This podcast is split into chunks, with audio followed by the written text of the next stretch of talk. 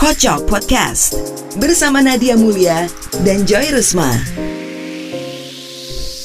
Hai, welcome back to podcast Kocok bersama Nadia Mulia dan aku Joy Rusma. Jumat malam lagi, waktunya untuk dengerin podcast Kocok dan kali ini kita mau bahas tentang party-party. Wih, dulu kalau Jumat malam jam segini nih lagi persiapan dinner manis sama keluarga, sedang siap-siap mau party. Aduh iya ya, zaman dulu tuh pikirannya tuh cuma mau ke mana, ketemu siapa, pakai baju apa. Terus kalau udah sampai di klub tuh asli menikmati banget suasananya. Pokoknya kita tuh santai bergaul dengerin DJ turun di dance floor. Gak ada tuh ya Joy waktu itu kita sibuk dokumentasi apalagi posting-posting di sosmed. Ya karena dulu belum ada sosmed keles. Iya sih. Nah kalau gue sih masih foto-foto, walau ya nggak kayak sekarang juga. Terus nanti lusak, adorama deh buat dicetak. Zaman jahiliyah ya manis. Pakai pocket kamera ya, jahiliyah lagi kata lo sialan. Maksudnya zaman kita dulu doyan gugem beda banget sama zaman sekarang. Selain gak sibuk sendiri dengan HP, dulu tuh kalau party kayaknya all out banget. Semua yang keluar memang niatannya mau gaul atau enjoy the music. Iya, sefrekuensi banget ya saat itu. Gue inget nih tahun 2000-an awal gitu saat lagi sering-seringnya party, kita lumayan sering ketemu ya. Yes. Walau belum ikrip kayak sekarang, karena saat itu kalau ada satu tempat yang lagi happening, belar semuanya ke situ. Seru banget ya, Bo, eranya mana lounge, balcony, wonder bar, diva, sentro. Boy, oh my god itu udah 20 tahun yang lalu aja Hiks Time flies banget ya. Kalau ngomongin zaman party Gue ingetnya tuh kayak ada beberapa gelombang gitu. Mm-mm. Nah kalau era awal 90-an Itu ada Fire, Ebony, Oriental, dan B1 Nah buat gue B1 itu paling pecah. Setuju. Underground dan gelap. Gak perlu dandan kece. Kalau ke basement Niaga Tower Nah terus abis itu late 90s dan early 2000 Itu tuh eranya parkit, poster, dan garasi Parkit juga seru banget sih menurut gue Kan ada tuh lagu missing Inget Oh dong iya, yang and Everything I miss you. Ya, suara lu bagus juga. Terus ada Betterman, remixnya Pearl Jam. Uh-uh. Terus Mother Earth-nya Dub Tribe yang ada I Want Oh, My Planet I want Back. my planet back. Ih, seru-seru banget lagu itu. Yoi. Nah, itu semua kan lagu-lagu andalan DJ Hogi sama DJ Anton. Terus waktu itu look models pasti ada semua tuh. Ada Indah, ada Catherine Wilson kan semuanya lagi happening-happeningnya dulu itu. Karena banyak fashion show di tempat dugem. Terus yang pastinya juga pecah ada Zanzibar. Wah, keren tuh tempat Yoi, banget. place to be seen banget Setiap DJ mainin lagu Inikah cinta Duh kok suara gue jelek ya? Ya udah ya. Kalau nggak cantiknya Kahitna Ya. Pecah. Yang pecah juga suara lo kalau nyanyi ya. Tapi Tetep kan emang ya kepo audience. Tapi tapi kan emang kalau setiap kali mau dari dulu sampai sekarang tiap kali ada ini kan namanya cinta cantik apa? Itu kayak semua orang tuh mau suaranya mau fals kayak gimana juga ikut nyanyi ya. Dan kan Zanzibar gue inget banget nih Joy. Kan tempat itu emang pengap sempit banget. Jadi ya kalau mau ngeceng juga kadang-kadang di tangga mau naik ke atas tuh ya. Kalau juga udah- udah ngeceng. Yoi bener-bener. Karena udah pengep sama sempit banget Di dalam mau rokok udah keluar. Iya, iya, Ngeceng dan- juga. Dan kemudian ada juga nih eranya BC Bar, Mata Bar, Vertigo, inget gak sih lo? Dan yang juga nggak terlupakan banget nih waktu itu Embassy buka. Nah, terus kemudian diikuti oleh Balcony, Wonder Bar. Karena itu kan memang mau dibuat sebagai one stop entertainment complex tuh di Taman Ria tuh. Hits, banget, pada Boy, masanya. itu pas masanya Banget banget pokoknya lagu-lagu di Embassy tuh yang nempel banget di gue Fate-nya, Solo Music, Strings of Life, Soul Central pokoknya itu udah mulai masuk Nggak ke nyanyi lagi Bo Gak, gak bisa nyanyi, Bo. Itu kan lebih udah lebih ke house kan. Iya iya bener-bener Nah, yang yang menarik banget dari Embassy karena kan gede banget tuh ya. Itu kayaknya udah mulai satu Jakarta pergi semua tuh. Mm-mm, udah masif ya. Udah masif timur, utara, barat semuanya bersatu. Kalau zaman B1 kan ibaratnya masih anak selatan aja. Nah, kemudian baru tuh tahun 2010-an itu tuh era Blowfish, Dragonfly, Park 19 dan seterusnya. Ini eh, lagunya udah mulai beda ya, udah mulai lebih banyak bisa sing along. Lo inget dong pasti DJ Cream kan dengan Empire State of Mind-nya Yes, Jay-Z. yes, yes. New York terus drop it like it's hot, drop it like it's hot. Nyanyi lagi tuh kan Nyanyi bener. lagi. Aduh, habis ini kita mau ke mana ya, Bo? Sama itu dong, Ride With Me. Uh, pokoknya kenapa gue excited banget, Bo? Karena gue kan R&B banget anaknya nih. Iya, lu mah geng ngulek sampai lantai, Bo.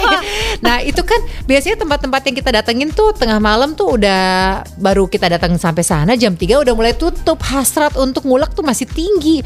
Mulai kan mikir-mikir nih lanjut ke mana nih kita. Sadis, anak lanjut. Anak lanjut banget loh. Namanya juga masih muda, Cin. Zona Cafe Batavia tuh suka dipakai buat lanjutan karena itu bisa sampai dengan jam 3 pagi sebelum kemudian lanjut ke kota. Duh, Wah. gua mah ada Madam Lili sama Prof Jose kagak bisa tuh sampai 9 pagi. Tapi Edan juga ya kalau party itu benar-benar maraton staminanya tuh juga gokil karena ya mesti gaspol juga. Tapi kan ya nggak tiap weekend kayak gitu. Ada saatnya juga kita nyari yang kalem-kalem aja. Live music kan di Balemang, Jimbani. Biasanya tuh lagunya Toto tuh yang suka make tuh lagu-lagu yang zaman-zaman dulu juga. Ada juga jazz cafe, ada cafe di Blok M tuh apa ya namanya? Pokoknya gitulah cafe-cafe yang ada live music. Tapi gue inget tuh itu kan eh, memasuki era tahun 2000-an. Lo inget gak sih sempet ada keparnoan nih? Pas kita mau masuk ke tahun 2000 bakal kena virus Y2K. Oh, yang semua data hilang itu katanya ya. Terus takut Mending, nanti mending di rekening lo di bank hilang semua. Mending semua data hilang Waktu itu kan banyak orang bilang mau kiamat kan Jadi waktu lagi milenium nih ya Mau menyambut milenium Orang-orang yang lagi pada di lobby hotel Atau lagi di klub tuh Mereka tuh semuanya itu kayaknya hening Lagi nungguin harap-harap cemas Eh aman-aman aja tuh Terus orang-orang pada bilang Eh nggak jadi kiamat lanjut party deh Kalau gue sih yang keinget banget tuh pas tahun 2004 Kalau nggak salah tuh ada tragedi Bo Tuh. Kalau nggak salah di, di salah satu hotel yang hits lah waktu itu. Ada salah seorang orang terpandang Dia menembak karyawan klub. Aduh kayaknya Yoi, karena semua dia orang kesel, tahu di cerita karena dia ini. kesel kartu kredit temen ceweknya tuh decline. Padahal Iya. kan nih orang hits banget gitu, jadi dia nggak terima gitu loh. Nah, walaupun ada cerita kelam, gue juga inget banget nih kalau tahun 95 sampai tahun 97 tuh lagi megang-megangnya banget tahun baruan di Hilton. Oh iya ya Bo Mondar mandir Hilton ya. Nggak jelas banget sih mondar mandir. Happy New Year Happy New Year. Hai dah. Gitu-gitu doang. Tapi kayaknya waktu itu seru banget. Karena semua orang tumplek di sana. Gue aja sampai inget tuh gue sempet tahun baruannya jam 12 nya itu stuck di lift bo. Di lift. Kesian gak sih? Karena udah pada keramaian mau turun udah. Akhirnya ya udah Happy New Year-nya sama Caca aja berdua Caca sama Tonda. Sama orang-orang yang ada di lift itu ya orang-orang yang lo nggak kenal ya terus terus bawa kalau kayak di Hilton itu kan lo pasti inget dong kalau orang lagi ada acara apa pun di situ especially New Year's kan Ah. besokannya kan pasti pada sarapan tuh makan di- steak Johnny Wong tapi Ah, ah. belum bisa juga kan belum ya bisa ngunyah, belum bisa ngunyah. Tapi kalau yang pada sarapan di Peacock Lounge tuh pada ketemu tuh, eh muka-muka basian, pada kacamataan. Ayo kepo audience yang suka duluan, yang dulu suka uh, tahun baruan di Hilton siapa aja, ayo ngaku. Eh tapi Joy, lo kayaknya lumayan veteran nih urusan pergi-pergi malam. Lo mulainya kapan sih? Kayaknya lo start pretty early ya. Eh, kalau gue sebenarnya kan kalau yang SMP awal kelas 1 itu masih di PIM lah ya waktu itu ngecengnya terus baru mulai yang eh, pergi malamnya itu eh, ke pizzeria yang gue inget tuh di zaman SMP di Hotel Hilton Iya ya, gue sweet. ketahuan ya umurnya Iya, nah gue juga sweet 17 tuh di Tomat at the Pizzeria ya Nah, kan. Terus tapi yang gue inget banget, gue pertama kali nih yang pergi malam yang eh, kayaknya hits banget tuh ke Hard Rock Cafe. Waktu itu masih di Sarina tahun 94. Nah, waktu itu partner in crime gue adalah salah satunya tuh Rani Jodi. Dan dia tuh waktu itu lagi hits-hitsnya baru menang Gadis Sampul. Iya ya gue inget. Tapi lo pas ngomongin tomat at the pizzeria gue langsung flashback deh. Gue sweet 17 di situ udah kan sama orang tua terus siup lilin segala macem. Terus pamit karena gue abis itu sama temen-temen gue lanjut ke highlight. Gila hardcore banget gue gak pernah tuh nyentuh sana. ya namanya juga zaman dulu tapi ini lucu nih gue bisa ke situ karena geng gue nih kebetulan sekeluarganya itu suka music suka party banget orang tuanya. Jadi kalau pergi dugem ya bareng orang tuanya Makanya gue juga diizin pergi kan Dan Hmm. orang tuanya ini ya mungkin karena ada orang tua juga ya Alirannya ya ke Highlight Sydney 2000 Millennium Ya Buset pokoknya deh. disko-disko yang ada di kota deh. Gak mungkin ketemu sama lo di situ Gokil banget. Eh, lu sempet ngerasain gak sih kalau pergi ke itu Atlanta? itu kan diskotik Tahu. kota Campina sih, tapi dia terkenal Bo dengan kar- karpet merahnya itu yang melegenda dan ada zodiak. Eh, tapi bukan zodiak zaman sekarang ya di Senopati.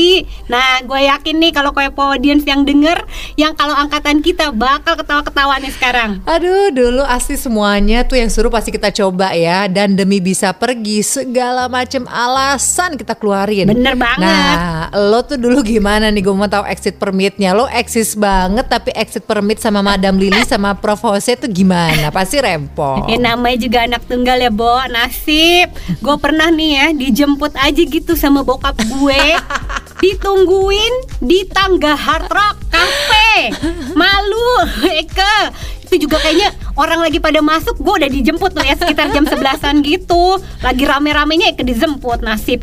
Terus juga gue inget nih ada inget lo tau gak sih zaman dulu tuh ada kejadian legend di Hard Rock Cafe. Apa-apa? seorang anak pemilik mall waktu itu dilempar ke bawah sama seorang jagoan gara-gara ributin cewek.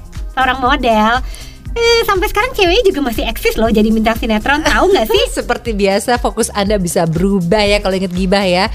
Tapi dari tadi kan kita membahas mengenai nasib lo yang terkurung, eh bisa-bisanya balik lagi ke gosip zaman dulu ibu kota. ya udah ya udah back back back lagi nah tadinya kan akhirnya lama-lama kan gue juga capek ya bawa dijemput bapak gue mulu nah akhirnya gue jadi pinter nih gue jadi sering kabur Om, om, halo om, jangan dengerin ya om. Bapak apa udah lama banget. nah, waktu dulu tuh savior gue adalah pager pink. Dan Pager gue hits. dan gue hobi nyogok tukang jaga malam gue. Togakannya enak, Bo, cuman Coca-Cola kalau nggak rokok. nah, tapi pernah juga tuh gue pulang ke pagian waktu itu jam 5 pagi. Eh, bapak gue kedengeran suaranya gerasak-gresek mau jogging buka pintu itu buka pintu garasi. Gila. gue saking kagetnya, Bo, gue ngumpet di selokan. Asli gue nggak bakal lupa. Wait, wait, coba gue bayangin dulu seorang Joy Rusma Pas itu ya, lo pakai baju mini-mini Maskaranya udah mulai melebar Lo ngumpet di selukan Wah parah banget sih lo Joy Asli gue abis itu kapok gue nggak mau gue nggak mau pulang pagi yang sampai sepagi itu lagi gila. Eh, tapi gue juga pernah nih ya pulang dari rave di lapangan golf di Sentul tuh. Eh papasan aja gitu sama mobil nyokap bokap yang mau berangkat golf. Gue langsung nyungsep semoga dia nggak nggak ngeh itu gue ternyata lagi jalan rame-rame. Tapi gila ya masa-masa itu dulu seru banget. Tapi kayaknya banyak kok angkatan kita yang gitu juga. Siapa ayo yang dulu juga butuh pager buat jemputan kabur seperti Akyu Nah biasanya kalau gue tuh ya jam andalan dijemput tuh jam 11.30 malam tuh Nanti pagar gue geter-geter dapat jemputan Pager lo geter-geter terus lo lompat pagar deh akhirnya ya. Eh tapi kalau lo tuh ya dulu suka pergi pas weekend aja atau bela-belain nih pas hari sekolah? Dulu kan kalau zaman dulu kan Sabtu itu kan masih sekolah ya. Nah, gue sama Winda, eh, Winda Sergar, dia dulu sering nginep rumah gue dan kita tuh biasanya itu nunggu panggilan kan jam 11.30 si pager itu. Nah, dulu seringnya dugem kan ke Biwan. Kayaknya keren banget waktu itu bisa sampai ke sana. Terus juga kadang-kadang ke M Club. Ya, sampai jam 3 setengah 4. Terus ya udah Biasanya kan hari Jumat tuh ya kayak gitu terus ya udah tidur sejam bisa langsung sekolah. Iya namanya juga zaman SMA, Bu. Waduh. Kali dia tidur butuh nggak perlu kali bahkan yang lucu lagi nih ada nih temen gue ya waktu itu ya dia juga pulang pagi dia udah siap sedia dia bawa baju seragam dia ganti baju bawa di mobil langsung sekolah habis itu habis dugem di Pulau Raya gila kalau mikir sekarang Gila buset bau rokoknya kayak apa tuh rambut Waduh, tapi kan pas tahun itu kan kita juga masih kecil-kecil ya. Nah, sekarang kita bahas yang udah rada gede nih ya, umur 20-an. Jadi kan ini udah beda cerita nih, udah nggak perlu bohong-bohongan lagi kayak dulu. Udah lebih gaspol perginya, nggak ngumpet-ngumpet kayak waktu itu. Kalau di usia 20-an gue lagi demen banget ini ke mana lounge. Ya kan lo tahu kan, gue kan R&B banget. Iya dong. Gue kenalan sama suami gue, kenalan sama si Dasin di situ kepo audience. Dan ini lucu banget, gue baru putus hari Minggu. Jumat malam sudah ke mana? Eh kenalan dan kecantol deh. Jadi gue Gile, gercep ya. sing singlenya cuman gak, gak sampai hitungan seminggu. banget loh. Jadi Laris. mana lounge will always have a place in my heart. Laris manis Nadia Mulia karena dia dulu adalah geng wajah femina, Eh. banyak fansnya. Eh, mana tapi dulu emang sesuatu banget sih. Aduh, sesuatu banget. Iya kan, crowdnya juga, musiknya. Dulu juga teman kita si Fanny Rasal- Rosalina, Uh. The Madam Sensi. Dia kan dulu PR-nya, tahun 2000-an deh pokoknya 2000 awal gitu. Nah, Jutek lagi tuh Madam Fanny tuh ya bentukannya ya waktu itu. nah iya ya dulu kayaknya kalau kita belum temenan sama dia, Eh, eh, aduh nggak dianggap takutnya kita. tak- takutnya oh ini pasti minta table nih, pasti minta table nih. nah, yang gue inget banget zaman dulu tuh uh, ada Richard Family macam uh, Bang Amir sama Bang Dede tuh dulu mereka nongkrongnya tuh masih di mana lounge. Wih, bekas Boston sadis pergaulannya. Eh, tapi yang juga nggak kalah memorable tuh balcony. Walau seiprit tempatnya, tapi yang bisa masuk itu kan yang kaum terpilih aja. Ya macam kaum front row. Untung gue masih lolos seleksi. Nah, gue inget banget tuh yang megang banget tuh geng-gengnya Mandayana. Ya teman-teman lo juga lah Joy, Indah Saugi, Reni Sutioso. mereka ya. Geng Bakri juga hadir, Ardi, Dinda, Dan tentunya para geng pembalap nih yang lagi naik-naik daunnya. Arya Setiaki, Bagus Hermanto, dan of course Ananda Mikola dan juga Moreno. Tapi kan Anda juga hits madam segala lomba permodelan. Nah, terus yang gue juga inget tuh ada tuh area kalau mau kenceng istilahnya di Wonder Bar di lantai lantai basementnya yang gelap banget khusus buat yang doyan kenceng jadi bebas nggak usah jaim kalau mukanya penyok. Dan bisa buka sampai jam 7 pagi. Terus kalau ada nih tim orang yang masih mau lanjut bisa. Stadium atau 1001 di era ini Dragonfly juga udah mulai rame dan hits sih tapi beda crowd aja sama Embassy Nah, Bo, karena pentolan party sudah mulai berkeluarga nih ya di tahun 2010-an dan seterusnya, kan kayaknya udah nggak terlalu pol-polan lagi nih. Ah. Hadir deh Sundays, Aduh, gak lo? banget. Acara Minggu sore pentolannya Adroids. Gue iya inget love, tuh. love banget tuh love di tahun 2009 tepatnya ya Sundays itu di Waterboom Peak terus yang di Epi Walk juga hits juga ya Iya, gue sih nggak bakal lupa. Gue kayaknya inget tuh yang tahun 2009 di Waterboom itu gue masih dateng tuh waktu itu. Terus abis itu gue hamil raksan deh. Ya udah, abis itu gue cuti, cuti cutai. cutinya cuma tiga bulan tapi lo kayaknya aja loh. Nah, waktu itu kayaknya ada deh kayak 5000 orang loh tuh pas yang di apa di Waterboom itu. Terus juga pas di Segara di Pantai Karnaval oh iya juga di mantap. Segara Segara juga seru banget tuh ya ala ala wannabe like Bali gitu ya Yes. tapi di ibu kota ya Gue senengnya kan soalnya tuh mulainya sore ya, sunset sunset gitu ya jam 12 udah di rumah. Kayaknya udah mulai jompo ya, Bo. Waktu itu juga. Ya walaupun zompo tapi masih berusaha eksis ya Sebelum pandemi kan walaupun udah sekarang dia udah 20 sekian tahun nih kita seperti ini kita melantai Toh kita Jumat malam masih cabai rawitan di Ivy Masih di Montis atau suka denger live music di The Dutch. Ya The Dutch sekarang udah tutup for good ya. Tapi tetap sih sesekali kalau ada acara, acara yang seru kita masih kuat bisa melantai ngulek sampai pagi. Apalagi kalau lagunya nostalgia era dulu. Iya, walaupun gue sih besoknya pasti koyoan, bau peppermint, terus makan sedep deh terus pasti makan gue. makan indomie kuah pakai cabai rawit ya Bo. Aduh rindu banget ya hangout dan party tanpa, tanpa masker seperti sekarang ini. banget. Tapi gue setuju banget sama lo. Angkatan kita tuh kayaknya lebih totalitas apa kita lebih stamina ya kalau dugem. Sekarang pun kalau ada acara kayak back in the days itu pasti kita pecah Duh gue inget banget deh party terakhir kita sebelum pandemi yang seru tuh Bo Ketemu anak-anak lama tuh pas zaman diming kan oh iya si Iwan yang bikin yang waktu itu ya Yoi, walaupun semangat masih tinggi tapi ya kadang-kadang gitu sih kondisi nggak bisa bohong. Jam 12 sekarang kayaknya udah emang udah pingin pulang bawaannya ya. Bawa udah kayak Cinderella. Ya namanya juga udah 25 tahun, Bo, keluar malam masa nggak puas-puas juga. Eh, tapi gue malah punya banyak juga sih temen-temen cewek-cewek umur 30 sama 40-an yang pas zaman kita party dia anteng banget, Bo. Eh, baru sekarang dia keluarnya. Telat Lepas ya. kandang dia. Kayak balas dendam gitu ya mereka ini sih kayaknya yang bisa dibilang yang kayak geng telat ngeletek lah ya. Karena zaman dulu mungkin pada kawin muda terus langsung punya anak dan kadang juga sekarang ini udah ada yang sudah cermai dan ya itu mereka harus balik lagi ke ajang party untuk mencari mangsa mencari gitu. mangsa kali mencari pasangan kali Bo.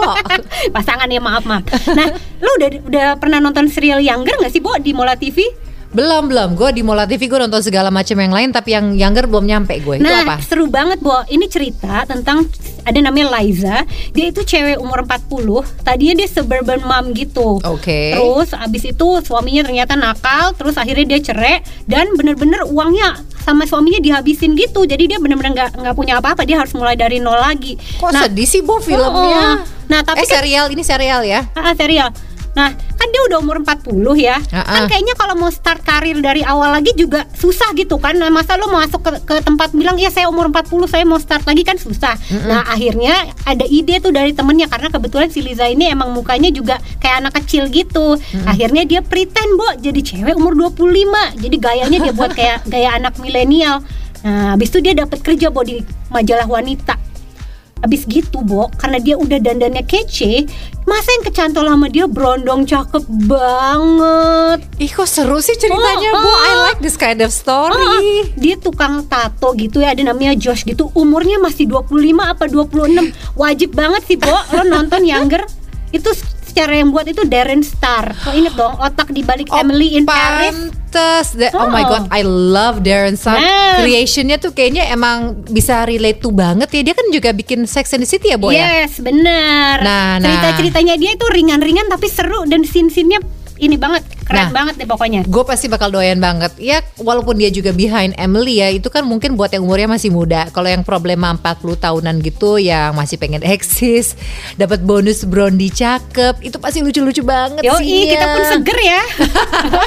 eh tapi ya gue cuma takutnya satu bu kalau ada serial yang seru banget gue pasti bakal maraton dan gue pengen nonton sampai selesai secara gue kalau udah kayak gitu kan gak akan bisa tidur jadinya Asli Bo, lo siap-siap insomnia sih kalau udah nonton Younger di Mola. Asli gue yakin lo bakal hook. Oke, eh tapi bagi para kepo audience yang belum subscribe di Mola TV, kita bakal giveaway lagi nih di akhir podcast. Makanya dengerin sampai habis ya dan simak juga pertanyaannya itu seperti apa. Dengerin ya. Nah, balik lagi nih ya ke Younger. Dia tuh cuma 20 menit kok satu seri. Oke dong. Heeh, jadi pokoknya wajib nonton banget. Nah, gue juga kebetulan ngeliat teman-teman gue yang emang udah kebetulan divorce, emang kelakuannya ada mirip-miripnya sih. Kadang-kadang seru juga sih sama sirsak sedikit ngelihat mereka begitu carefree. Yakin loh, jangan sampai Papa Iki, Sisi Coki. nah, kalau geng baru ngeletek itu, kalau yang gue lihat ya, sebelum pandemi mereka banyaknya ke Leon, terus ada juga yang ke Sofia, ada juga yang ke Ming. Ya sebenarnya sih akhirnya balik lagi, Bo, gengnya mereka siapa gitu loh. Nah, kalau gue juga penasaran nih, Bo, kalau anak-anak sekarang itu mainnya ke mana ya? Mereka gaspol kayak kita dulu nggak sih? Iya, sebenarnya sih ke seputaran Senoparty aja. Yang gue denger ya kalau anak selatan itu Senin sama Kamis ke Duck Down atau kalau Kamis ke Miss Jackson. Yang penting rame-rame aja. Monty's, AA Bar, Kilo Lounge, Sofia Panca. Kalau mau jauh dikit ke J Sparrow atau ke Boca Rica. Tapi yang lagi rame tuh eh, Brotherhood. Tapi ya itu sih ya Joy kalau kita juga ke sana kita nggak kenal sama siapa-siapa. Krik krik krik krik. Ya kali kalau kita kenal, yang pergi kan anak-anak kecil, yang ada nanti lu ketemu temennya Nadine lagi. Duh, nanti gue bakal diwanti-wanti nih sama temennya anak-anak gue kalau sampai ketemu Tante Joy di klub jangan sampai salim atau sentangan. langsung drop shy. Eh tapi bener ya gue kalau lagi pergi gitu suka merhatiin para party goers ya, apalagi yang anak-anak sekarang ini nih. Biasanya tuh mereka tuh dalam kelompok-kelompok yang kecil. Mereka sibuk banget dengan HP mereka. Gue nggak tahu mereka lagi update status.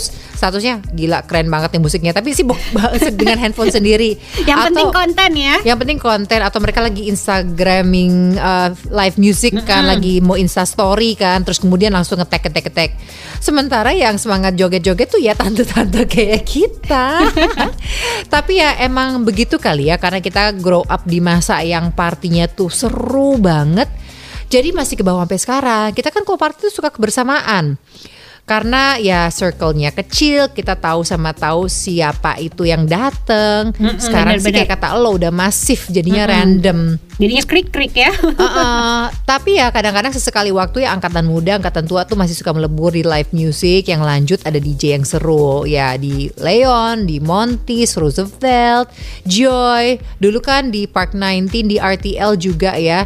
Dan biasanya dikejar nih sekarang nih emang band-band seperti Late This Night, Soulful, Mike's. Aduh kalau ngomongin Mike's dulu. ini ya ingetin dia rest in peace ya Dendi. Nah, kayaknya kalau yang masih kecil-kecil banget atau budgetnya terbatas, kayaknya mereka doyannya cari promo free flow deh. Kayak yang gue denger sih di malam tertentu tuh dulu sebelum pandemi di Amigos Kemang pasti rame banget anak-anak sekolah internasional. gue lihat juga sebelum pandemi yang lagi megang banget nih pergaulannya itu loh Bo Shakila Astari, bapaknya yang kawin sama Jedun, terus ada Nazla Alifa lagi, Mm-mm. terus Tengku Nadira, terus Aksa dan Ero Anwar, terus juga ada JJ Soekarno, dia anaknya Dona Harun ya. Mm-mm, tahu tahu. Ada Al Ghazali, ada Dava Wardana, anaknya Marini Zumarnis. Eh, dia konon lagi deket sama si Siapa? Hmm. Siapa? Hmm, ah jangan ah nanti aja deh nanti paling juga muncul beritanya di insert. Banyak ya bo anak Ertong. Woi lo stalking segala zaman sepertinya bisa tahu-tahuan aja. Eh by the way ya kalau yang gue denger sekarang nih anak-anak milenial itu Cewek atau cowok yang udah lulus SMA Mereka eh, atau yang lagi kuliah atau udah kelar kuliah dan kerja Banyak yang memilih untuk ngekos atau tinggal sendiri. Nah, siap-siap tuh nanti Nuala. Kagak tinggal sama gue. Ngekosnya bareng gue. Tapi kan eh, maksudnya ada shifting of ini juga ya eh, Joy ya Iya, iya, ya. Dulu kan eh, image-nya tuh kalau ngekos tuh ya kayak anak yang kurang keren Ah, gitu loh. ya. Kalau sekarang benar. justru itu menjadi hal yang lumrah. Benar, jadi nggak usah ribet benar. lagi nih urusan pulang pagi macam kita dulu. Sudah pada bebas, Shay.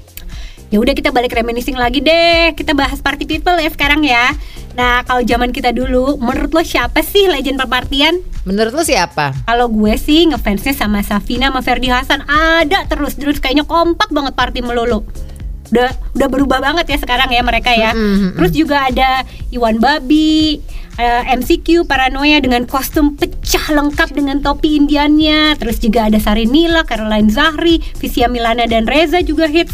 Terus Bo kalau zaman poster dulu yang paling megang itu siapa? Ayo tebak Ahmad Albar. Ih, bener bener, nggak? kamu pinter banget deh. banget ya party people dan jangan lupa juga DJ-nya. DJ dari tahun 90-an yang eksis banget di tiga era itu menurut gue ya.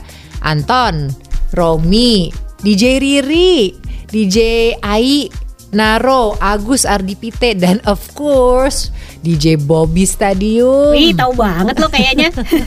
Kalau gue taunya PR Party aja deh. Yang dari dulu megang siapa lagi? Kalau bukan The Legend Kiki Utara. Dari dulu sampai sekarang Yoi, masih terus ya. dia, tetap dia. Nah, sempat juga tuh ada almarhum Andi DF. Ingat kan lo? Inget banget. Iya, sekarang sayangnya udah udah udah ini udah meninggalkan kita ya. Terus gue sering banget dulu tuh mintain Andi guest list. Ah lo semuanya juga lo mintain guest list.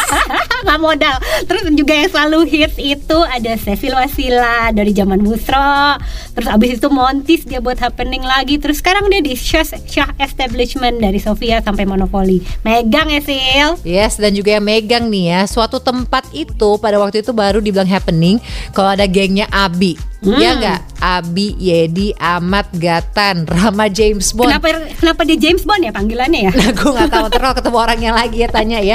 Ya pokoknya anak-anak Ciganjur lah geng 2 3 4. Walau banyak yang bilang juga nih kalau ada mereka, here comes trouble. Hmm, ngerti ngerti ngerti Tapi kebetulan salah satu dari mereka tuh pacaran dengan sahabat gue Jadi aman lah kalau jalan sama mereka Yang nggak aman tuh cowok-cowok yang masih nekat gangguin cewek-cewek yang lagi bareng mereka gue juga pernah sih pacaran sedetik sama salah satu dari mereka Siapa boy yang mana ada deh spill? pentolan jagoan zaman dulu lah ya pokoknya Tahu salah satu yang gue. itu juga nah terus juga yang hits tuh inget eh, kalau cowok-cowoknya yang gue juga selalu inget adalah hits adalah eh, gengnya Ari Fafa terus juga geng keluarga dia kan ada Mas Aldi, Mas Icas, terus juga ada Rauf. Yes yes zaman kita dulu memang lumayan juga ya drama-dramanya orang-orangnya Termasuk juga drama berantemnya Ingat gak loh teman kita ada yang apes hidungnya patah Karena kebetulan datang nih dua cewek jagoan yang saat itu lagi murka Dan berantem sama satu Ertong yang lagi hits Tapi dulu Ertong ini masih cupu sih Nah teman kita apes kena tabok botol sama temen cowok si Ertong Padahal dia nggak tahu apa-apa Tahu lah gue baru ulang tahun kan. Nah yang juga legend itu yang berantem di Prego. Ya mungkin karena sempit jadi gampang senggol jambak Nah gue ceritain ya Waktu itu tuh ada dua cewek jambak-jambakan di tangga Ya apalagi sih urusannya ya kalau nggak urusan cowok Nah sampai salah satunya ada yang berdarah Bo Aduh Heeh. Cuma lucunya ya sekarang kita udah ke zaman kita sekarang lagi. Kan keduanya udah dengan udah udah ya mungkin udah lama lah Bo ya. Yang satu jadi sosialita, yang satu lagi jadi ertong nih, yang dua jambak-jambakan dulu. Hmm. Eh lucunya sekarang Bo, mereka udah bisa foto bareng lagi rangkul-rangkulan. Padahal dulu berdarah-darah loh Bo. Dunia ini emang nggak ada yang pernah tahu ya ujungnya di mana. Eh gue jadi keinget nih yang juga legend tuh yang berantem di Blowfish sampai urusan polisi segala karena ada cucu konglomerat yang matanya sampai membuta karena katanya kena sikat padahal sebenarnya yang jadi TO itu adiknya karena ketahuan ada affair sama pacar seorang pembalap. Aduh drama-drama ibu kota lah ya, Bo. Tapi eh, terlepas dari drama yang akan selalu menjadi legenda itu adalah kelas paginya stadium lantai 4 dengan DJ Bobby. Wih, di situ nggak ada berantem karena semuanya menyembah DJ, semuanya tumplek. Teman gue pernah cerita loh, saking kencengnya blast dia skip masuk Jumat keluar Senin. Gila. Ayo kepau, siapa yang dulu jadi warga stadium? Padahal pada kuat ya bos staminanya dulu ya. Uh-uh. Pada nggak jompes. Sekarang yang gue tahu tuh orang yang lo omongin udah jompo gila. Terlalu gaspol ya di masa muda ya. Aduh, kalau gue sih emang karena dari dulu emang selalu ribet ya, Bo, sama urusan ortu kalau pulang dugem. Jadi gue sih cuman pernah nyentuh tuh yang stadium itu dua kali. Terus gue inget banget, udah sekali-sekalinya waktu itu ke sana, waktu itu emang pulang jam 10 pagi. Eh, kan gue so abis itu mau nyalon, Bo. Eh, masa gue blackout di salon abis itu? Aduh, kesian gak sih? Kenapa bisa sampai blackout loh? Tahu deh, emang nggak emang nggak boleh ke apa pa- pulang pagi-pagi kayaknya ya. Eh tapi tapi emang pada waktu itu emang agak-agak ngeri sih banyak orang tuh ya katanya tuh suka halusinasi lihatnya macem-macem agak-agak serem sih. Eh tapi kalau gue sih bener lebih seneng kalau zaman uh, pas party rave outdoor gitu, apalagi kalau di Bali. Oh, yang iya, itu loh, iya, Bo. iya, iya, iya. Nyang-nyang, Suluban tuh tahun 2000 deh, tahun 2000 awal. Eh, padahal ke Nyang-nyang itu ya Allah, rempongnya ke sana dulu gelap banget di mobil. Terus lokasinya tuh kayak tempat jin buang anak gitu. tapi serunya, ya ampun, nggak bakal keulang deh. Terus juga yang gue inget banget tuh waktu itu Suluban juga rempong banget tuh urusan toilet. Pasti pasti double six juga megang banget sih ya. Dan serunya tuh ya bisa duduk-duduk di luar sambil lihat orang-orang mukanya penyok atau ngeliat orang yang lagi dare terus bungee jumping. Aduh, nggak akan pernah lupa ya kalau ngerayain tanggal 17 Agustus tuh selalu ke Bali karena Sadis. never ending party. Seru banget soalnya dulu. Kita kan juga sempet ya bawa ke closing partinya double six ya. iya dong. Nah Bali emang gue setuju sih paling enak untuk party outdoor dan ya selain itu juga ada beberapa rave party yang seru banget tuh. Inget dong Gate Crasher yang di Ancol. Oh, aku Nanti- ingat ada yang terjadi dengan Anda Nanti Nadia Mulia. eh kita akan bahas itu di episode yang lain dan juga di Hambalang di Golf Sentul. Eh tapi sebenarnya ya perlu kita revisit lagi karena kayaknya cocok nih pandemi ini kita party outdoor. Tapi Iya jauh-jauhan ya, tetap Parno. Repotnya aja kalau udah matahari terbit, semangat party masih on. Bener-bener deh sesuai judul kita, pantang pulang sebelum terang. Yes, nah sekarang seperti janji kita kita mau ngasih giveaway subscription ke Mola TV untuk satu bulan dan ini ada 5 kepo audience yang bisa memenangkannya. Ayo. Jadi seru banget tuh ya bisa pantang pulang sebelum eh, terang, tapi eh, nonton terus nih. Jadi di rumah aja. Banyak banget serial dan film-film yang seru di Mola TV. Tuh, nah ini ya pertanyaannya nih ya. Tadi juga udah disebut loh padahal sama kita. Ini pertanyaannya. Siapakah nama produser dan penulis dari serial Younger di Mola TV yang juga kreator dari serial Emily in Paris atau Sex in the City? Gampang kan? Gampang, pokoknya ada bintang-bintang di namanya. Dan mekanismenya juga gampang banget. Tinggal tulis jawaban kamu di Instagram aku sama Joy di @nadia_mulia dan @joyrusma. Terserah nih mau tulis jawabannya di feed, di question box di Instagram Story, mau DM, pokoknya terserah karena kita akan mantau terus. Setuju. Dan eh, per Jumat ini dibuka sampai dengan Jumat minggu depan kita bakal announce di Instagram feed kita berdua sekaligus kita kasih tahu nih episode selanjutnya nih apa untuk podcast kocok. Tapi Joy syaratnya lagi adalah wajib follow Instagram @molatv.living dan juga @molatv.movies. Pokoknya di follow aja deh semua Instagramnya @molatv karena banyak banget informasi yang seru. Dan kita akan memberitahukan pemenangnya minggu depan. Cus, jangan kudet dan bisa nonton Younger yang seru banget. Yakin, nggak bakal Nah, nyesel deh. Kayaknya emang party sekarang kayak gitu ya, Bo. Pakai loungewear, bikin popcorn, segelas red wine, terus nonton deh sampai keluar satu serial binging gitu. Ya lagi-lagi konteksnya pantang pulang sebelum terang. Ya, semoga soon kita bisa tes stamina lagi on the dance floor sambil nostalgia dengan sohib-sohib di suasana pesta. In the meantime, dengerin terus podcast Kocok. Stay kepo party, people.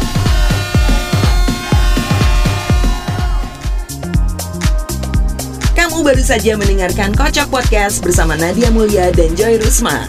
Nantikan episode Kocok berikutnya.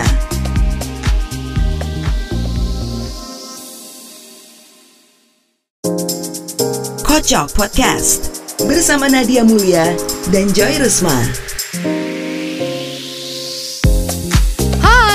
Welcome, back, to podcast Kocok bersama Nadia Mulia. Dan gue Joy Rusma. Setelah kesuksesan episode antara harga tas dan harga diri, kita berinisiatif untuk membuat lanjutannya. Yes, ternyata Kepo Audience seneng banget ya pembahasan mengenai tas. Sampai saat ini, ini adalah episode dengan pendengar paling banyak loh, hingga ribuan. Mungkin karena banyak nggak yang habis pikir, kok bisa ya bayar ratusan hingga miliaran rupiah untuk seonggok kantong kulit aja. Ya mungkin karena tas adalah luxury item yang ingin dimiliki oleh hampir semua kaum urban. Nggak bisa dipungkiri kan Joy, tas itu udah jadi barometer atau standar sosial seorang. Setuju, setuju. Eh, lu gue jadi inget deh. Ada tuh salah satu geng arisan yang kita wawancara di buku kocok yang demen banget pakai dress code. Ingat nggak lo? Gengnya Lady Nabila. Oh, ingat, iya. ingat, ingat. Ingat kan?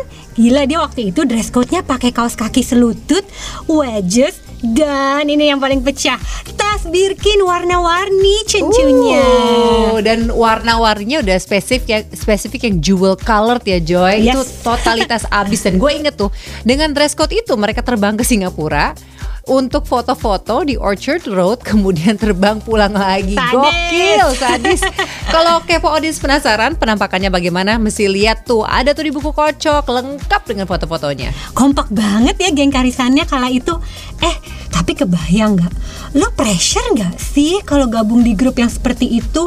Wajib punya Birkin, Bo. Mending any kind of Birkin. Ini spesifik loh, jewel colored. Artinya koleksi lo nggak bisa cuma satu.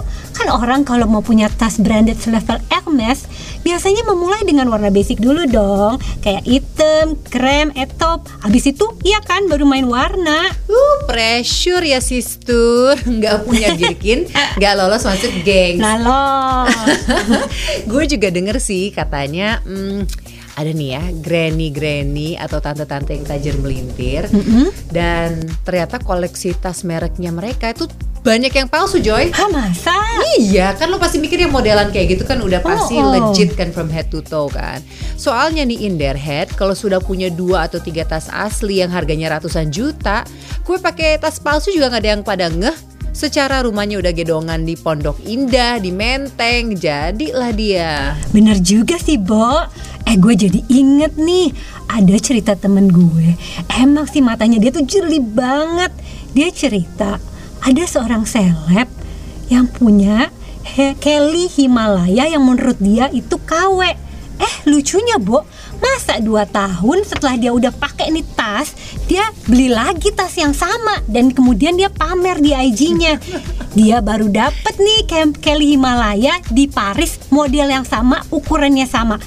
Aneh gak sih, Bo? Masa lu beli dua tas yang sama Ya, dalam dua tahun? Mungkin pilihannya mungkin itu throwback atau mungkin dia punya mesin waktu Enggak, kali ya, eh. Bo. Nah, berarti tapi kalau ini artinya apa? Apa? Kisah sukses dari KW. Dia naik kasta Diana. Dia sukses beli yang sebenarnya. Ya dari Mantap KW ya. jadi jadi asli kan ya. Tapi kan Yoi. ada juga dari asli jadi KW Aduh, milih yang aduh, mana yang itu loh. kesian. nah ini ini ada lagi cerita dan, kasta. beneran terjadi nih Joy. Bahkan konon kejadian di beberapa butik ternama ibu kota. Mm-hmm. Tapi gue gua nggak ngerti nih. Ini apa gara-gara pressure di pergengan dia sampai dia jadi halu. Jadi gini nih ceritanya, ada ibu-ibu. Kalau lo lihat penampilannya tuh dari tasnya, bajunya, pokoknya semuanya kelihatan deh berkelas. Very very proper. Nah dia masuk toko nih. Dia bilang saya mau beli tas untuk kado. Cari-cari-cari dapat bungkus si sales assistant udah bungkus kece gitu. Terus, dia apa bilang, halunya ya, Bo? dia bilang mau bayar pakai cek nih. Heeh. Halunya nih mulai di sini. Jadi eh, dia udah bilang mau pakai cek tunai udah di ACC nih. Tiba-tiba si ibu ini ngeluarin kertas A4 dan dia tulis tangan sendiri cek tunai. Ah, gila, oh my God. dan dia tulis amountnya. Terus dia tanda tangan deh. Ah, mungkin obatnya pas habis ya. Harusnya dia ke psikiater kali bukan mampir ke butik. Ya Allah, kasihan sih tapi sebenarnya. Terus terus sales assistant butiknya gimana? Dia masih baik hati sih, jadi kayaknya dia ikutan main gitu. Diambil si cek kertas itu, terus dia bilang nanti akan ditelepon ya kalau ceknya cair. Dua ada ada. ada aja. Nah, katanya juga butik di sebelah juga kena tuh sama cek tunai A4-nya. Waduh berantai ya ternyata cek tunai ini ada di mana-mana. Eh, ada lagi nih cerita. Lo sempat denger dong dan ya ini bukan cerita baru sih Joy, tapi beberapa teman-teman trusted reseller kita mereka sempat kalang kabut karena akunnya kena hack. Ih sekarang emang lagi banyak banget ya. Eh, eh, stres banget gak sih? Lo kan mereka tuh followersnya tuh banyak yang udah banyak eh, puluhan ribu lah. Tiba-tiba gone akunnya. Artinya kan mereka mesti buat lagi dari nol mesti ngumpulin followers lagi dari nol. PR banget kan Bo? Asli pasti pengen nangis deh. Secara kan akun IG itu kan ibaratnya udah jadi toko mereka kan. Itu teman kita Clarissa juga kena. Terus eh, dia kan nama tokonya tuh Laverne. Terus gue juga pernah lihat kalau nggak salah Zetabex juga kena karena followernya dari puluhan ribu kok sekarang jadi sedikit. Nah, yang gue denger alasan akun mereka itu di report karena suka menyertakan hashtag seperti hashtag Chanel, hashtag Dior, hashtag Hermes dan seterusnya. Tapi sekarang kan kayaknya seller-seller juga udah pada banyak yang tahu, nggak boleh tuh kayak gitu. Jadi mereka sudah tidak menyertakan hashtag seperti itu lagi. Nah, kalau yang gue denger, yang report akun mereka itu adalah mafia KW. ih kok serem Iya. sih Bu mafia KW Iya kan soalnya trusted seller kan suka mengedukasi customer supaya janganlah beli barang yang fake. Hmm, tapi kalau yang gue denger sih bukan itu sih, Bo. Yang gue dapat info itu justru dari beberapa official butik. Hah? Mereka yang Masa, Bo? report. Jadi gini, kan karena pandemi penjualan kan drop. Ah. Akhirnya mau nggak mau mereka mesti gerilya nih untuk report akun-akun seller yang menjual brand mereka. Ya gimana Bo dengan perbedaan harga plus kondisi pandemi seperti sekarang? Kan ada tendensi orang-orang tuh prefer beli barang pre-love kan Iya, iya, daripada beli juga ya. barang baru di butik. Mm-mm, harganya bisa lumayan lah bedanya ya. Bener, jadilah para sales associate ini mereka mesti memutar otak agar bisa jualan Dan karena toko lagi sepi ya mereka more time nih untuk bisa stalking on social media Jadilah biasanya tuh ya mereka randomly search akun yang ada embel-embel seperti um, authentic, butik, pre-love, bags Ya gitu-gitu deh Bo, Uh, search engine-nya akan mencari kata-kata seperti itu Jadi ka- gitu. katanya dari mereka katanya Hmm gitu. Ya tapi ya paham lah ya karena pesona tas branded itu kan ke semua kalangan. Bener semua banget. pasti pengen memiliki walau kadang ada yang nggak mampu atau ada yang belum mampu. Hmm, kita boleh ngomong agak-agak juicy boleh ya? Udah jam segini ya? Nah makanya Ani Ani hadir Lumba-lumba. kembali. Ani Ani tuh happy banget kok dikasih tas sebagai tanda jadi ya kan dan gak cuma dari mereka Joy si pria berhidung belang kan juga bangga dia bisa klaim dia beliin tas buat cem-cemannya apalagi kalau tas yang dia kasih itu yang bermerek Eh, Bo, tapi ngomong-ngomong soal hidung belang, kita bakal bahas banyak banget kan nanti tuh di podcast kita berikutnya. Tapi yang ini agak X-rated loh. Juicy, juicy. Bakal bocorin banyak sneaky tricks mereka, so stay tune. Anyway, katanya walau pria ini berhidung belang, ya ada aturan mainnya juga kali. Jadi biasanya mereka itu kalau beliin tas buat cem-cemannya harus satu atau dua level di bawah sang permaisuri. Allah lo kayak pesen itu aja pesen makanan aja pedesnya mau level berapa? Ya gini bahwa misalnya kan kalau istri istri sah permaisuri ya dikasihnya kroko Ah-ah. ya simpenan ya udah harus puas lah ya leather biasa. Nah malah kebanyakan cem-ceman mas standarnya yang di bawah gocap di bawah 50 gitu Oh, eh tapi kalau kemarin di episode cantik dari sananya atau cantik dari dananya kan kita sempat bahas tuh look standarnya lumba-lumba alias ani-ani Yoi, ini. lengkap banget Ah, ah. nah konon mereka juga ada nih satu merek satu tipe tas yang jadi standarnya lumba-lumba sukses itu loh yang bisa diselempangin. Biar nyangkut-nyangkut kali ya rantai cangkinya di belahan dada dan bikin si om horny. eh lo bukannya punya tas itu juga? Hati-hati Eh, lo tapi kan ntar gua bukan- dikira lumba-lumba. Gue bukan ani-ani, gue ibu-ibu. Eh tapi kan sebenarnya dibeliin tas itu udah bagus. Mau dijual juga pasarannya masih tinggi Masa ya, Bo? Ada tuh seorang pengusaha sukses. Dia ini hobi banget kencan sama model-model Eropa Timur yang baru dateng di tanah air. Nah, lo tahu dong, kalau barang impor itu, mereka itu barang impor tapi standarnya belum tinggi.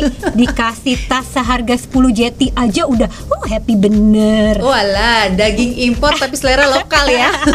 Yoi bener. Tapi kan ya oke banget lah buat nih si om-om ini, ya kan? Hmm, jadi dia menakar si Ani-Ani dengan harga tas ya Makanya kita mesti waspada Dengan cowok yang hafal harga-harga tas Kecuali dia sales associate ya eh, Ani-Ani kan juga pasti ngejar tas supaya mereka bisa jual lagi, Bo. Namanya jaga-jaga juga kan mereka juga bisa out of season seperti kebanyakan model tas. Jadi, who knows? Tas pre-love yang lo punya bisa aja tuh hasil kerja enak-enak si Ani-Ani. Iu, Ih apa sih Joy? Gue mendadak ilfeel sama tas pre-love. Ih kok gitu sih? Eh, lo nggak ada urusan ilfil, tapi ada Bo. Ini mah tragis. Masa ya pernah nih bener nih gue dapet cerita nih. Ada permaisuri. Masa dia beli tas pre-love ani-ani suaminya? Iya gila kan? Sesempit jualan itu belaga pilon. Jakarta. Iya yang jualan belaga pilon lagi. Ya dia pikir selama dia untung tapi kan ironis banget Gila kalau si permaisuri tahu bisa dia robek-robek tas itu. Eh, tapi sayang juga ya, Bo. Apalagi kalau ratusan juta. Iyalah sayang yang kemarin boykot tas merek Prancis aja kan gak jadi ngerobek atau ngebakar tasnya kan Woi, aduh, gue masih speechless ini. Gue bayangin cerita-cerita ini sempit banget kan Jakarta. Banget Tapi gue jadi mikir, kalau tas-tasnya dijualin, mungkin dia juga udah kedepak kali ya, dan mungkin belum dapet gadun baru. Nah, gue jadi inget juga nih, gue pernah diceritain temen gue. Dia punya temen, hmm, ya, ya semacam ani gitu sih. Nah, Semacam ani-ani ya itu kan gak apa enak lagi ngomongnya kale nah pas dia nemenin temennya ini shopping Uh-uh. kasian deh dia Kenapa? kan udah pede banget nih gesek kredit cardnya si Gadun di toko branded gitu eh pas dicoba masa di reject Hah? Mm-mm. Karena ya nggak tahu deh mungkin ya udah udah expired kali dia juga tapi ternyata boy ya akhirnya kan akhirnya ditelepon Ah, ah. eh ternyata katanya udah di report hilang nih kartu sama gadunnya Waduh jadi Yoi. udah dane dong iya udah dane dia Cian deh, tapi emang suka nekat ya orang-orang melakukan apa aja demi bisa memiliki tas. Mm-mm, bener Mungkin bagi beberapa orang tas itu adalah anugerah terindah ya, Bo. Iya sih ya. Eh ngomong-ngomong anugerah terindah, gue jadi nggak sabar. Gue pengen nonton anugerah terindah itu. Apaan sih tuh? Masa lo nggak tahu sih?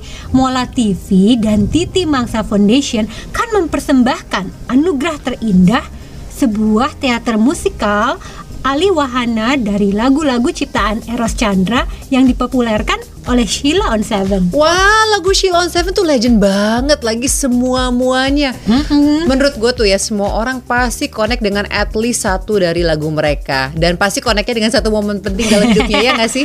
Macam menjadi soundtrack hidup kita gitu. Nah, teater musikal ini produsernya Happy Salma Wih. dan pemainnya ada Mika Tambayong, ada Asmara Abigail, Ayu Sita, Roy Sungkono dan Sal Priadi. Eh, terus katanya Dira Sugandi juga perform loh di sana. Oh pantesan. Gue ngeliat di IG-nya Betul-betul Aduh gue udah kebayang deh. Ini bakal keren banget nih teater musikal ini. Jadi ceritanya kan adalah tentang cinta dan persahabatan Sebagai anugerah terindah. Uh, bener banget tuh ya. Eh tapi kalau lo harus memilih Lo pilih cinta atau persahabatan? Aduh jangan bilang-bilang ya. Ini gue pilih sahabat deh. Habis kan kalau suami lagi nyebelin ya tinggal happy-happy aja sama Mami Eh gue bilangin Ricky ya Papa Iki Eh, jangan dong. Ya kalau gue pasti pilih cinta dong. Kalau nggak cinta lo so kalau- asik lo. Eh kalau gue nggak pilih cinta nggak mungkin empat anak gue. But anyway terserah mana yang lo mau pilih. Yang pasti jangan sampai ketinggalan. Mola TV presents Anugerah Terindah Kerjasama dengan Titi Mangsa. Dan tayang eksklusif hanya di www.mola.tv Atau aplikasi Mola TV Mulai 5 Desember 2020 Kalau belum install aplikasi Mola TV juga, ke mana aja yuk? Kan ada Mola Living sebagai sumber inspirasi dalam menikmati hidup. Mulai dari desain rumah yang epic, taman yang indah, rahasia hidangan yang lezat, musik yang memanjakan telinga, hingga traveling yang seru-seru. Hmm, oke. Jadi sekarang kita mau bagi-bagi lagi nih Joy free one month subscription Mola TV untuk 5 kepo audience. Jawab pertanyaan ini gampang banget. Sebutkan salah satu aja dari tadi yang lima kita sebutin. Tuh, Jadi salah disebut. satu aja pemain di anugerah terindah. Gampang banget.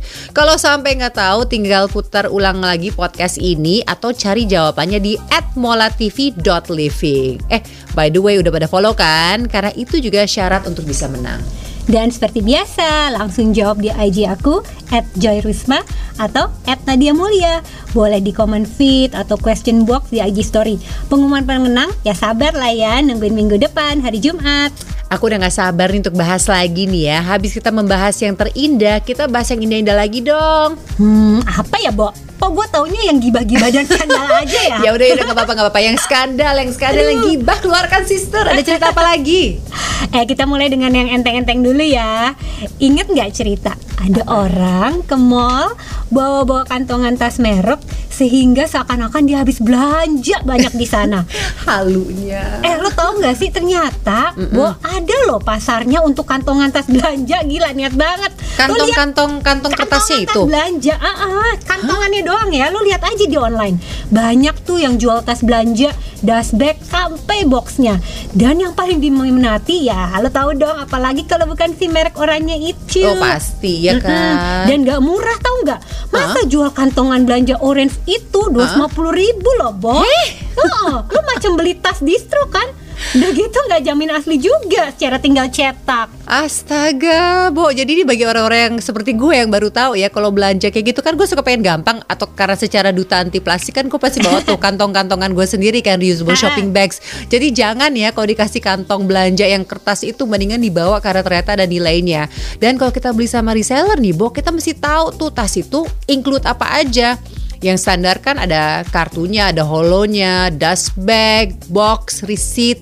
You have to make sure legit semuanya. Eh tapi kan resip itu nggak selalu jaminan asli juga, Bo. Eh gimana gimana? Receipt nggak selalu jaminan asli. Ah, ah, soalnya gue ada nih yang cerita juga. Dia jual tas palsu tapi pakai resip asli. Dan gak semua orang ngeh loh Hah? Dikasih fo- resip fotokopian ngaku-ngaku aja Ngaku-ngaku aja itu resip si tas KW Oh, oh gue tahu, gue pernah denger nih. Itu namanya cannibal receipt kan? Ini sih udah cerita lama Namanya banget. cannibal receipt Serem banget Iya iya jadi uh, dia ngambil receipt dari tas yang lain kan biasanya kan cuma modal fotokopi kan kata lo. Nah tapi sekarang penipu tuh udah lebih lihai lagi. Nih Lala Tangkudung cerita. Dia Aduh, kan udah the famous Lala Tangkudung The ya famous Lala Tangkudung yang udah beberapa kali menjadi narasumber kita. Thank you so much ya La. Karena selain sebagai owner dari Timi Baget dan dia juga ada toko di Decades di Kemang Raya, dia adalah the go-to person nih kayaknya setiap pada kasus tas yang zong. Dan banyak banget Bo yang ngadu ke dia. Dari minta tolong authenticate tas yang beli di seller-seller halu sampai ada yang ngadu jadi korban catfishing di Tinder. My God Dari cybercrime Masa sampai ngurus jodoh orang juga Ya Allah Banyak banget yang percaya sama dia kali ya Eh Lala itu gue juga pernah denger Bo Dia masa sampai menjarain juga penipu tas Yo, you don't wanna get on her bad side. Nah, Lala cerita sekarang mesti hati-hati sama produk KW yang kualitasnya udah ngelebihin mirror. Hah, apalagi tuh Dia itu handmade, jadi bukan pabrikan sehingga kualitasnya tuh mirip banget sama yang otentik. Kalau sekitar 2 tahun yang lalu nih, ini ceritanya ya. Jadi yang banyak banget itu adalah Chanel kualitas mirror. Tapi bagi banyak reseller kan matanya jeli tuh. Mostly masih bisa keciri dengan gampang kalau lihat dari card sama hologram stikernya. Nah contohnya nih serial numbernya nih nggak sinkron dengan model tas yang keluar di tahun 2018 nih dua tahun yang lalu. Tapi serial number tas KW ini masih seri 10 atau tahun 2005-2006.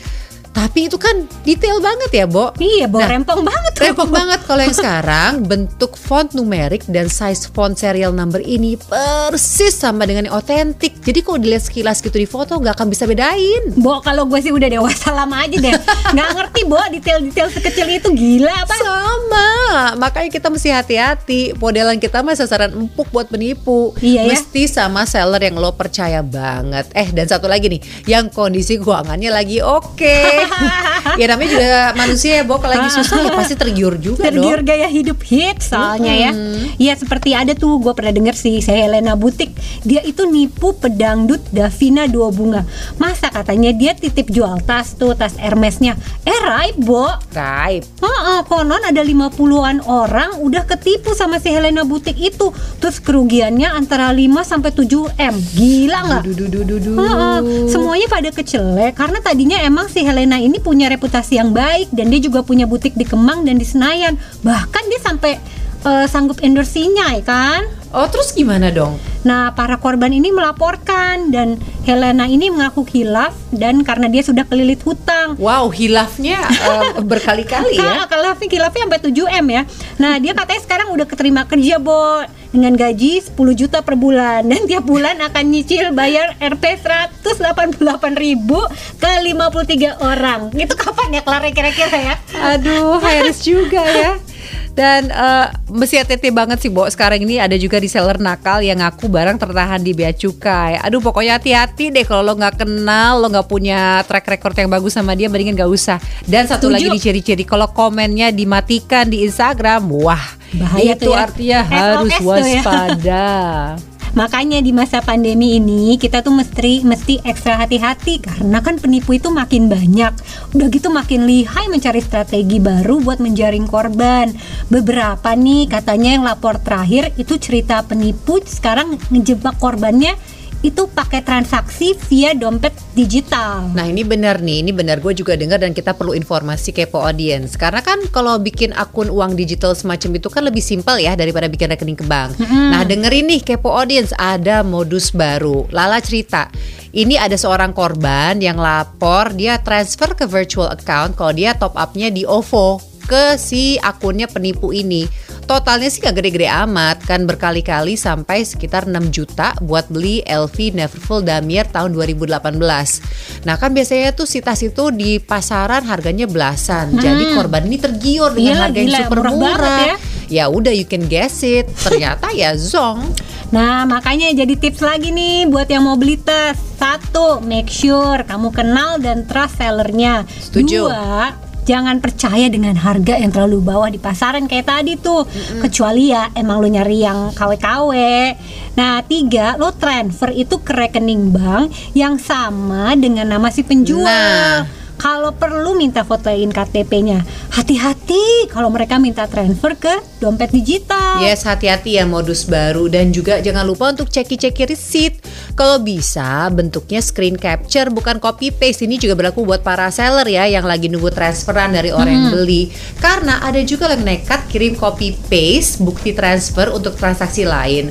Tapi kan bisa diketik ulang tuh Joy Nama pengirimnya lah, tanggal atau jamnya Sampai dengan jumlahnya diubah Edan kan? Zaman emang udah edan sekarang ya. Hmm, tapi eh, satu lagi gue mau note mengenai ini sih bukan berarti yang screen capture itu juga udah pasti otentik karena ternyata kalau orang udah niat banget nipu yang screen capture juga bisa diedit loh Bo jadi mendingan emang bener-bener dicek saldo kita sih udah Aduh, bertambah aduh, atau aduh. belum Iya iya iya iya. Gue juga pernah inget nih ada cerita kan tiga teman kita yang salah transfer. ada bo, tau nggak? tahu lah Masa satu beli lontong sayur ya, harganya sembilan puluh ribu. Eh dia transfer 90 juta wow nolnya tambah tiga Oh, itu lagi lagi gimana tuh ya? Mungkin dia lagi nggak konsen banget ya. Nah terus ada juga nih satu lagi juga beli jajanan 60 ribu, transfernya 60 juta juga. ini gue tahu nih dia beli roti doang loh padahal dan dia tuh nggak nggak terus terus yang satu lagi. Yang satu lagi gara-gara tips. Dia salah transfer 50 juta. Konyolnya Mereka semua tuh ngehnya belakangan. Untung aja semua duitnya pada bisa balik. Heran ya teman-teman kita tuh tajir-tajir banget ya. Saldo kurang segitu banyak Masa nggak berasa? Mau dong salah transfer. Ada aja ya orang-orang yang nggak kedampak sama pandemi. Beli tasnya masih kenceng. Masa? Nih Marisa Tumbuhan cerita Kalau penjualan di tokonya di Adelsbag itu justru malah naik. Wow. Dia kan juga yang Irresistible Bazar. Dulu setahun kan dia bisa bikin beberapa kali. Itu ditunggu banget ya pokoknya bazar dia. Nah sepanjang 2020 ini nihil Padahal banyak seller yang minta. Ya paling solusinya semuanya mesti aktif Instagram live sale. Dan ternyata itu ampuh banget loh Joy. Sampai suka ada yang rebutan. Mungkin niat awal cuma mau cuci mata, eh kemudian kesulut lihat ada orang lain nawar yang kita naksir, akhirnya perang bidding. Kalau rebutannya tas bukan rebutan suami. setuju, setuju ya. Nah, dari beberapa brand yang dijual di IG live sale itu ternyata ada beberapa model yang melejit banget di masa pandemi. Gue tahu tuh pasti Chanel kan. Hmm, kan di betul. podcast sebelumnya sempat kita bahas juga Chanel klasik yang pre-love harganya aja gila banget. Bisa loh sampai ngalahin yang brand new. Ya karena itu kan kita sempat jelasin orang kan nggak bisa terbang, apa pun yang ada di sini dilahap. Kalau kata Marisa, LV Multicolor juga sempat happening loh. Tapi again hati-hati, Lala Tanggunung cerita, gara-gara harga Chanel yang melambung dan demand semakin tinggi, Hmm. akibatnya semakin banyak Chanel fake yang beredar di pasar pre-love. Kan udah dengar kanibal receipt kan? Udah Oke, dengar belum tadi-tadi soal ya. kanibalisme tas Chanel? Aduh banyak ya kanibal-kanibal ini ya. Apalagi sih tuh mak macam kulit jeruk makan kulit jeruk. bukan kulit jeruk makan kulit jeruk ya dan bukan kulit ostrich makan kulit ostrich ya. Ah. Jadi si tas KW ini dia pakai hologram dan kartu dari tas Chanel otentik yang kondisinya udah parah. Gila, Modelnya dicari yang semirip mungkin. Ya prinsipnya sama seperti yang gue cerita itu si cannibal receipt itu. Gila gila gila udah mahal palsu lagi. Tapi ngomong-ngomong di masa susah gini yang beli siapa ya, Bo?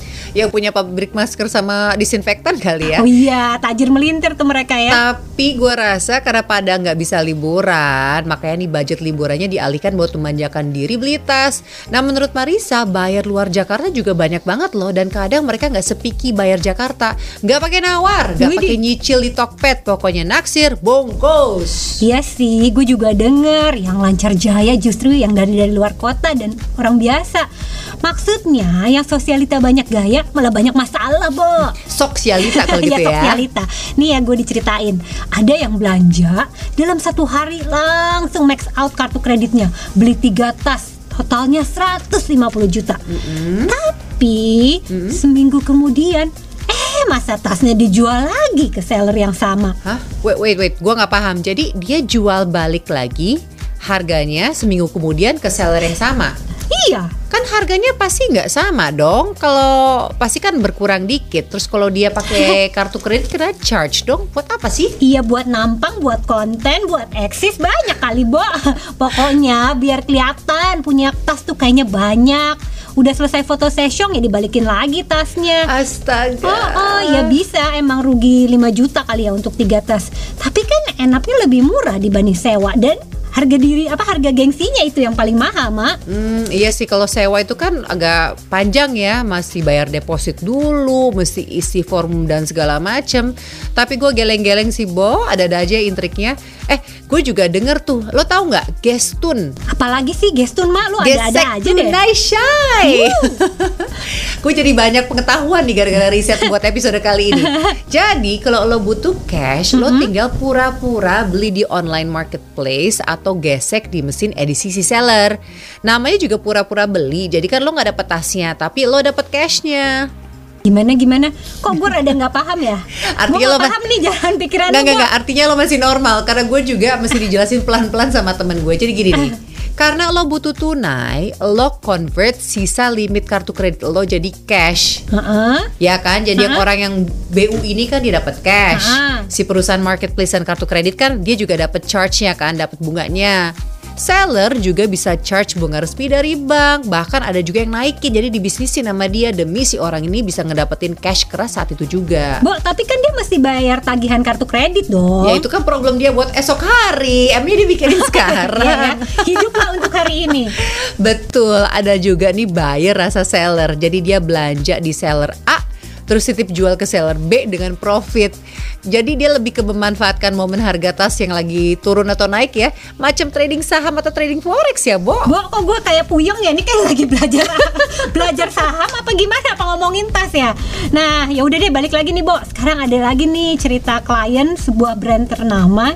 Dia akhirnya beli dari reseller karena dia kan bete, Bo. Dia nunggu nih satu warna nggak datang-datang ke butik nih warnanya. Oke. Nah pas dia lagi main ke butik Akhirnya dengan sumringah dia bilang dong ke sales assistantnya Gini ya, saya akhirnya jadi beli di reseller deh karena di sini ribet banget. Uh, dia mukanya udah kayak ah udah sumringah banget.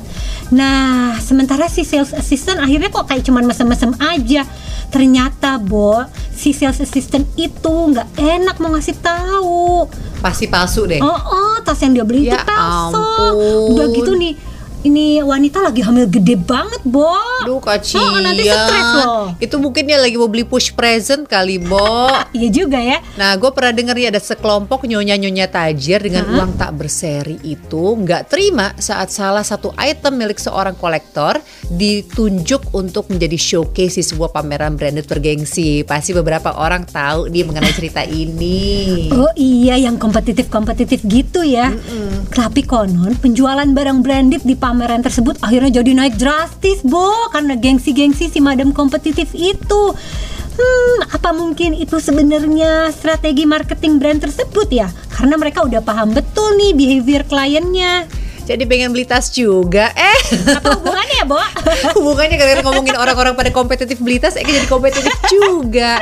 Eh, tapi kan kepo audience sebentar lagi nih mau Natal, mau tahun baru. Ya momen-momen yang seharusnya kita semua lagi nikmatin liburan akhir tahun ya seharusnya. But Since most of us are stuck here, nggak ada salahnya sih kata gue manjain diri beli tas. Ya deh, nggak apa-apa. Iya nggak usah yang puluhan juta. keras. Iya nggak usah yang puluhan juta. Kalau pil- pilihannya kan banyak banget. Bisa tas pre-love, harganya variatif. Di Timmy Bucket bisa nyicil loh. Atau gini nih, kalau nggak sekalian kita juga bisa decluttering. Kita sambil ngebersihin wardrobe kita, jual tas yang lama, terus beli tas yang baru. Nih, Marisa ngundang untuk pada datang ke tokonya di Darbangsa Square kalau ada yang mau titip jual. Eh, Oke, oke. tapi ngomong-ngomong lo rencana akhir tahun mau ke mana Joy? Hmm, kalau gue sih rencananya mau naik pesawat sih ke Bali. Tapi ini karena emergency kok, Bo. Kan kebetulan mertua gue tuh tinggalnya di Bali dan dia lagi sakit cukup serius. Kalau nggak ya nggak berani juga kali, Bo, gue naik pesawat. Kalau lo mau ke mana? Ya gue masih sih niat yang gak kesampaian ini pengen road trip ke Jogja, breakfast di enam langit pelataran seperti Madam Zoy Rusma. Tapi, hah kayaknya batal lagi. Bo, ya ampun deh. Kok rencana dari awal pandemi kagak kejadian-kejadian juga sih? Gue udah menyerah duluan bayangin road trip sama empat anak, dua masih Iya kici-kici lagi. Tapi kan mandi mulu, Bo, nanti. Ya, makanya tapi akhirnya kan gue juga sebenarnya ada ini ada dana yang harusnya buat liburan gak kepake boleh dong gue justifikasi buat beli tas Bisa aja ya. Ada aja ya alasannya ya. Nah, Kalau nggak bisa liburan, gue beli tas liburan aja. Kira-kira apa ya bu yang cocok? Pokoknya gue pengen tas yang bisa muat banyak barang. Karena lo tahu aja kan COVID-19 kit itu aja udah banyak makan tempat juga. Yang tahan banting, tapi tetap kece juga. Kalau gue sukanya warna-warinya kan yang cewek-cewek girly banget. Tapi gue pengen yang bisa taruh-taruh di lantai kayak Jane Birkin itu kan sama tas Birkinnya. Lu BM banget ya. Kalau gue sih eh, tetap doyannya ya Dior Book Tooth yang Sultan Andara bilang itu tas untuk menampung catokan, alat make up dan termos. Beda ya, Bo. Kastanya sama gue yang masih disayang-sayang kalau make. Lo beli itu aja. Iya iya gue emang sempet kepikiran sih gue suka banget ada yang warna pink tatar nih.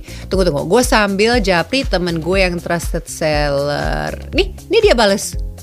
Hah? 40-an juta? Aduh nggak jadi deh nih. Masa? Balik balik ke andalan gue, Muzi Bags aja deh. Masa dua-duanya kali nanti dibeli. Eh, gue mendingan tas bias-bias kasih tapi saldo masih aman dan bisa investasi.